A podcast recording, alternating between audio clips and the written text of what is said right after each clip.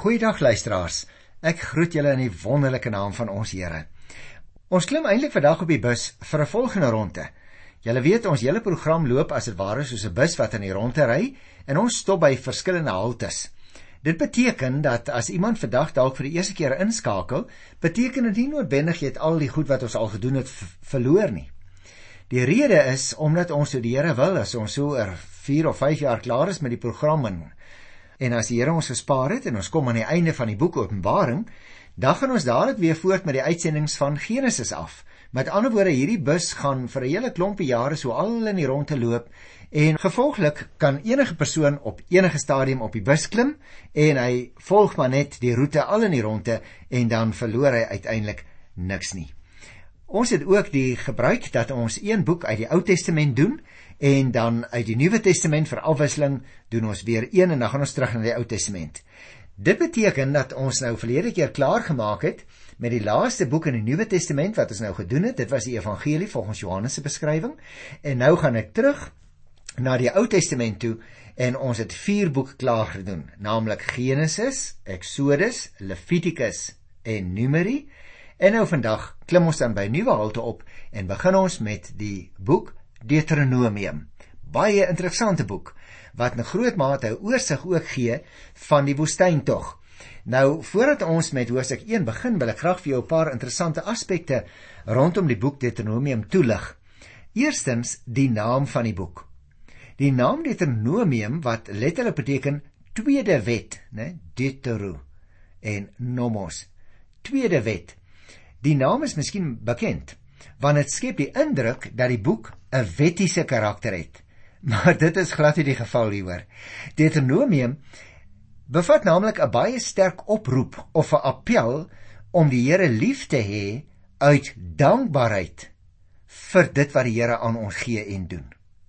Wat daar wel van die wet sprake is in die boek Deuteronomium, word dit gewoonlik gebruik as 'n teks vir 'n toespraak wat gaan volg. Die wet word verklaar en toegepas om so 'n beroep op die volk te doen om die Here van harte lief te hê en te gehoorsaam juis as hulle dink wat hy in die verlede aan hulle gedoen het. Daarom die boek Deuteronomium, tweede wet, is in 'n sekere sin so bietjie misleidend want dit handel regtig net oor 'n hele nuwe klomp wetgewing nie. Die tweede opmerkingie wat ek net wil maak, handel oor die samestelling en die ontstaan van die boek. En ek wil graag bietjie langer hieroor gesels want dit is nogal 'n baie interessante verhaal. Jy sien, Deuteronomium sou getipeer kon word as Moses aan die woord. En dit is dan ook soos die boek hom as dit ware aanbied aan ons.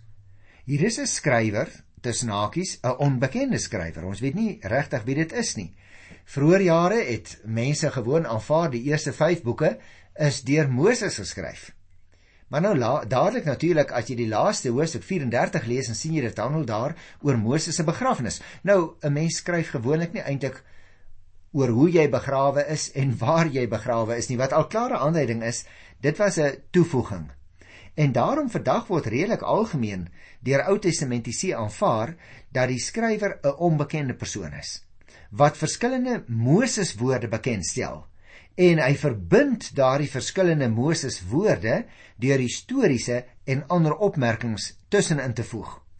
Deuteronomium is dus nie 'n boek deur Moses nie, maar dit is in werklikheid 'n boek oor Moses. En daarom sou ook verskillende gedeeltes waar die skrywer oor Moses praat, naas die gedeeltes waar hy Moses self aan die woord stel. Die skrywer het dit egter op 'n baie baie kunstige manier gedoen. Voor elkeen van die toesprake van Moses wanneer hy hom aan die woord stel, is daar 'n inleiding waarin hy sekere besonderhede met 'n sterk historiese inslag aan ons wat die lesers is bekendstel. Na elke toespraak volg daar 'n aanhangsel weer met historiese of geografiese besonderhede. En op hierdie manier omraam die skrywer en die finale kompilator of kompilators, ons weet nie regtig nie, maar op hierdie wyse word elke toespraak met belangrike gegevens omraam, as dit ware as ek die beeld mag gebruik. Interessant ook, die boek bestaan dus uit 'n hele reeks afskeidstoesprake. Hulle is netjies saamgestel en kunstig gerangskik met belangrike historiese aantekeninge voor of na elkeen van daardie toesprake. En dit laat die boek eintlik lyk asof dit 'n afgeronde eenheid is wat dit dan ook inderdaad vertoon.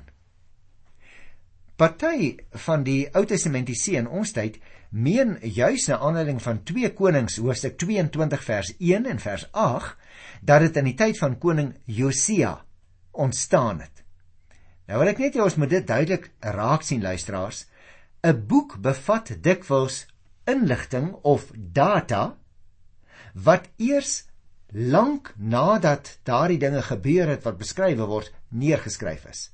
En daarom gaan dit ook hier oor die woestyn tog, maar hierdie gebeurtenisse is eers heelwat later neergeskryf. Daar's gegevens byvoorbeeld wat 'n sterk ooreenkoms toon met die toespraak van Salomo tydens die inwyding van die tempel. Daarom luisteraars, hoef die boek natuurlik ook nie so laat gedateer te word noodwendig nie. Dit is duidelik dat Deuteronomium in sy huidige samestelling nie vroeër as die tyd van Salomo se toespraak kon ontstaan nie. Dit blyk natuurlik nie dat die volle inhoud eers uit daardie laat tyd dateer het, soos wat ek nou net verduidelik het nie.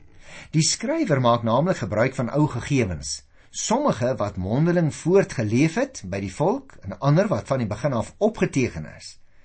Hy stel dit op so 'n manier saam dat hy as ware opnuut vir Moses aan die woord stel as die groot bemiddelaar tussen God en sy volk juis in elke krisistyd van hulle lewe tydens die woestyntog. Alhoewel die samesteller dus nie aan ons bekend is nie, beteken dit nie dat die gesag van die boek daarmee ingeboet word nie, hoor. Dit beteken ook dat nie slegs die gedeeltes waar werklike woorde van Moses gebruik word gesaghebend is nie.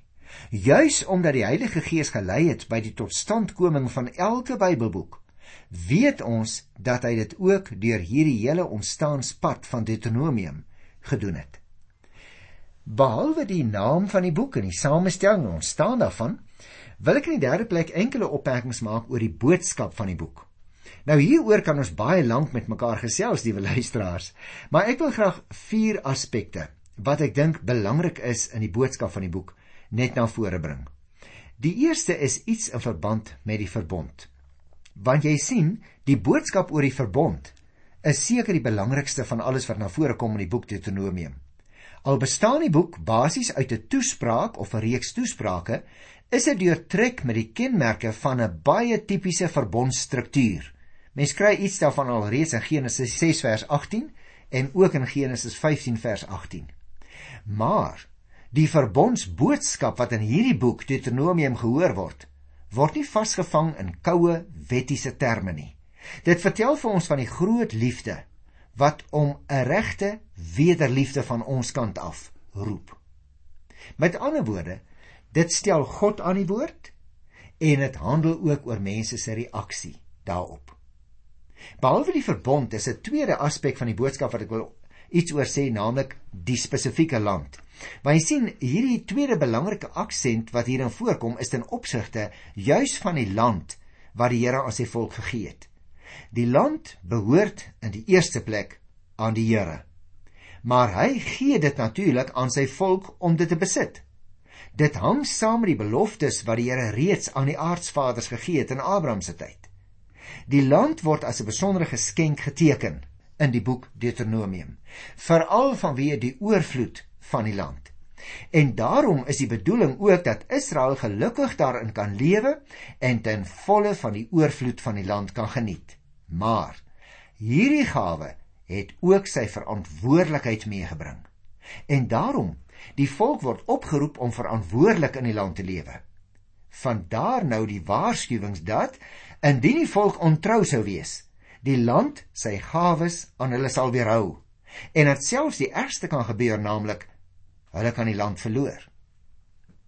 Die derde aspek wat ek onder die boodskap wil onderstreep is dit: die boek teken die wese van God op 'n baie besondere manier. Die Here word naamlik geteken in Deuteronomium as die enige. Alle eer kom steeds aan hom toe, want daar is niemand soos hy nie. Hy beskik oor alle dinge en hy waak terselfdertyd vir sy eer. Hy is die onsigbare wat nooit in beeld voorgestel mag word nie. Hy is ook die alomteenwoordige wat nie tot een plek beperk kan word nie. Al bepaal hy een plek waar sy volke moet dien ten einde hulle te bewaar van afgodsdiens. Nou luisteraars dan wat die boodskap betref, behalwe die verbondsgedagte, behalwe die landsgedagte, behalwe dat daar baie gesê word oor die wese van God, die vierde aspek. Ek dink hierdie tekening wat ons in die boek Deuteronomium kry van die uniekheid van God, roep die volk op om hom met gehoorsaamheid en met dankbaarheid te dien. Met ander woorde, die volk se reaksie is in die boek ook van groot belang.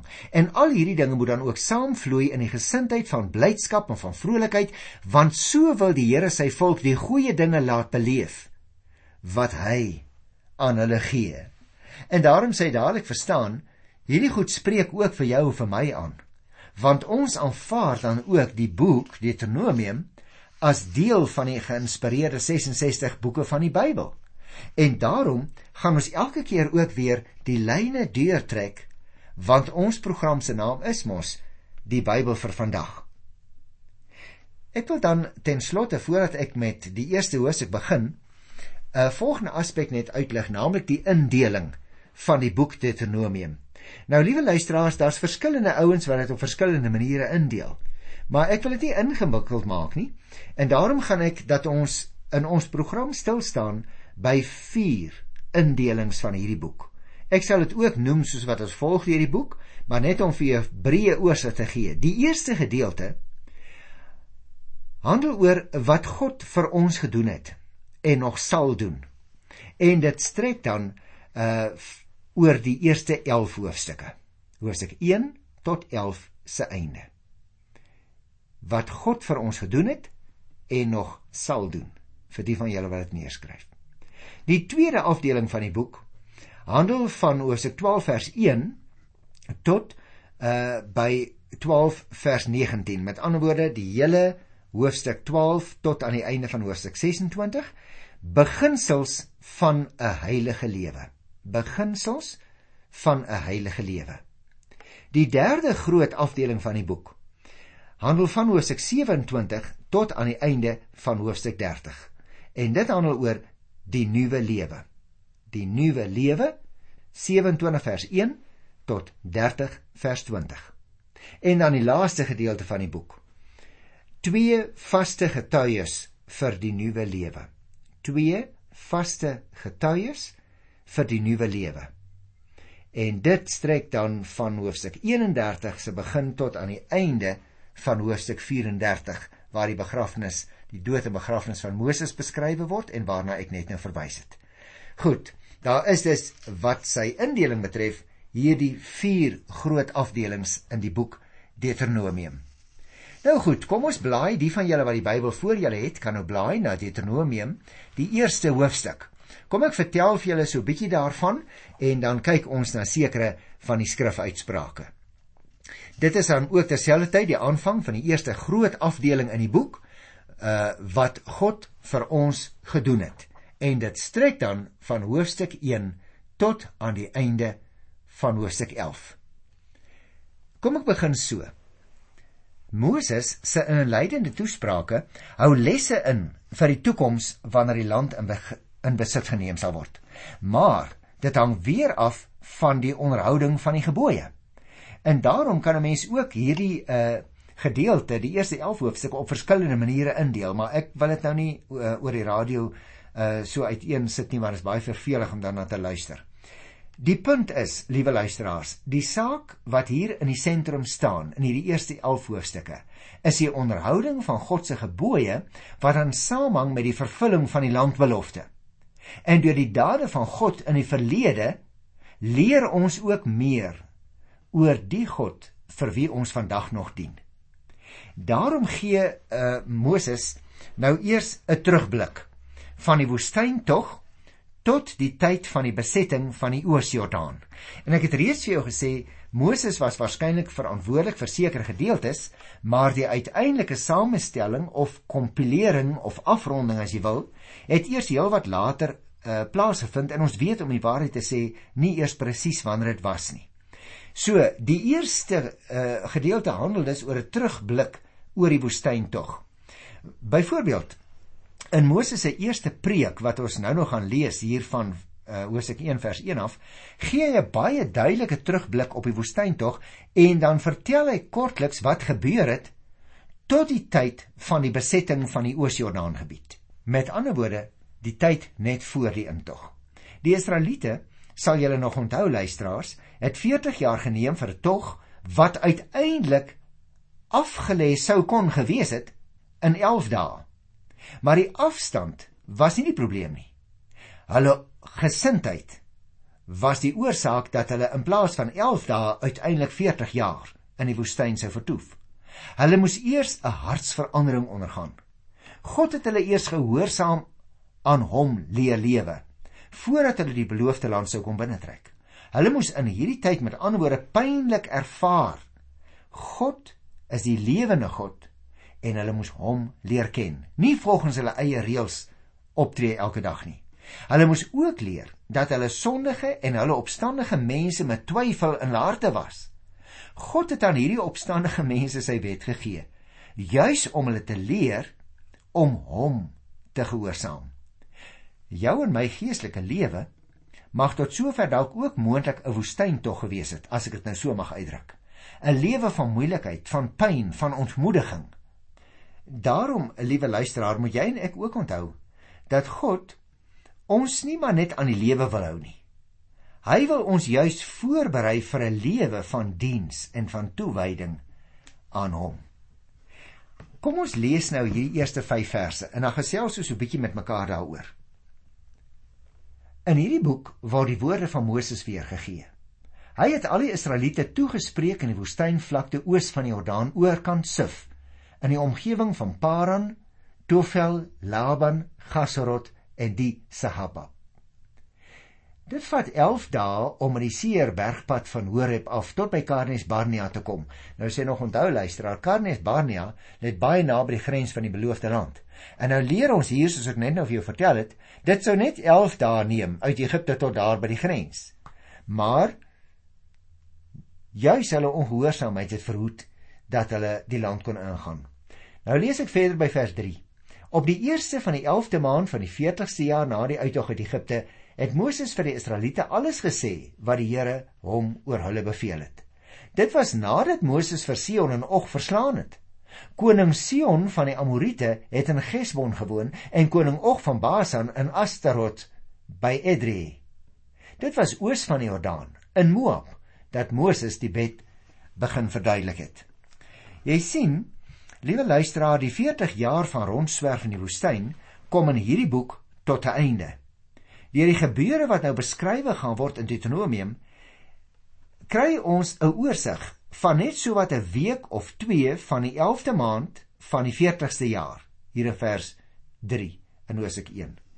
Die 12de en die laaste maand was natuurlik 'n maand van rou na Moses se dood. Dit gaan ons eers teekom Hosea 34 vers 8. En eers daarna, in die eerste maand van die 41ste jaar na die uittog uit Egipte, het die volk van Israel in die beloofde land ingetrek. Skrikwekkend, hè? Van wie hulle ongehoorsaamheid kon hulle nie na 11 dae in die beloofde land kom nie, maar eers na 40 jaar. Ek dink dit is die punt wat ons dadelik moet raak sien. Met ander woorde hier in die eerste 5 verse kry ons die inleiding tot die eerste toespraak. Maar ook sommer terselfdertyd dien dit as opskrif vir die hele boek. Dit gee, so lees ons, die woorde van Moses weer. En so stel die skrywer nou sy bedoeling aan ons baie duidelik. Hy gaan Moses aan ons bekendstel deur hom Moses aan die woord te stel aan die hand van wat hy gesê het en dan gaan die skrywer of die kompilator sekere aanvullings maak sodat ons net daardie woorde beter in hulle konteks kan verstaan. Ek wil dadelik ook ten opsigte van hierdie eerste 5 verse En ter inleiding sê luisteraars, die aard van hierdie toespraak is, het jy opgelet, aan al die Israeliete. En dit is 'n uitdrukking wat baie eie is of baie tipies is aan hierdie boek Deuteronomium. Verskillende name word sommer in die eerste vers al gebruik om die plek waar hierdie toespraak plaasgevind het noukeuriger aan te dui. Hulle is almal geleë direk, lees ons, oos van die Jordaan in die woestynvlakte, wat natuurlik tussen hakies deel was van die oorspronklike gebied van Moab. En nou kry ons weer die vermelding van Moab in die 5de vers. En luisteraars, ek gaan nie soos wat ons toe ons Eksodus en Numeri behandel het, uh, baie stil staan by die verskillende plekke nie. Ehm um, want ek wil eintlik maar net 'n breë oorsig gee van dit is beslot van sake waaroor dit in die boek Deuteronomium gaan. En daarom gaan ek nie in al die detail ehm um, af wat wel genoem word nie. Ons het dit waarskynlik dan van tevore al gedoen. Dit lyk dus eerder asof die besonderhede van tyd tot tyd ehm uh, wat dit vat om van Horeb af tot by Kadesh Barnea te kom, kyk in vers 2 die gang van die inleiding onderbreek. Maar dit wil eintlik sê hoe kort die tydsduur van die trek kon gewees het. En daarom, daarom volg direk daarna die sterk teestelling in vers 3 teenoor die normale 11 dae het dit 40 jaar geneem, sê die derde vers. Die historiese besonderhede van die oorwinning oor Sion en Og het ons behandel in Numeri 11. Daarom byvoorbeeld, ek noem dit nou net hier, gaan ek sulke goed nou nie weer behandel nie. Die Here bly egter getrou en hy gee die oorwinning op die pad na die beloofde land toe, ook wanneer die Israeliete soms ontrou was. En is juis hierdie ervaring wat vars in hulle geheue was, wat as koersaansporing moes dien om in die geloof die beloofde land binne te gaan dat Moses in hierdie toespraak die wet begin verduidelik soos vers 5 sê, is 'n belangrike opmerking. Dit gaan egter nie oor die wet in enger betekenis van die woord nie. Dit sluit ook aan en in alles wat die Here sy volk onderrig het. Met ander woorde, liewe luisteraars, Moses behandel nie in hierdie gedeelte elke wet afsonderlik in detail nie. Hy trek breë lyne om vir die mense nou net voordat hulle hier die beloofde land gaan intrek 'n oorsig te gee van 40 jaar van hoe die pad wat agter lê gelyk het vir hulle telkens herinner het ons kon nou al hier by die grens gestaan het van die beloofde land 40 jaar gelede. Maar dit het nie gebeur nie want ons het nie gedoen wat die Here gesê het nie. En juist daarom liewe luisteraar dink ek is die die, die boek Deuteronomium vir jou vir my ook so belangrik. Want as ons terugkyk in ons eie geskiedenis, sê net maar die geskiedenis van ons land. Kyk net maar net na die geskiedenis van jou eie lewe as jy al taamlik oud is. Dan sê vir jouself, kyk hoe goed was die Here vir my. En dit is daardie soort gebeurtenis wat nou in toesprake van Moses na vore kom in die boek Deuteronomium. Hy staan voor 'n nuwe groot uitdaging saam met sy volk. Maar hy self sou nie ingaan nie. Want hy het gesondig en daarom het die Here vir hom gesê hy mag nie ingaan nie hy wil vir hulle sê voordat ek julle groet, voordat julle die beloofde land ingaan, kom ek vertel vir julle. Kom ek vertel die verhaal van 40 jaar. Dan sal julle sien hoe goed die Here eintlik vir ons almal was. En dit sal julle aanspoor om ook sy gebooie in die toekoms in die nuwe land te gaan handhaaf. Ek dink dit hou vir jou vir my ook 'n belangrike les in. En juist daarom het ons ons program genoem die Bybel vir vandag. So die Here wil gaan ons dan volgende keer verder met die boek Deuteronomium. Tot dan. Totsiens.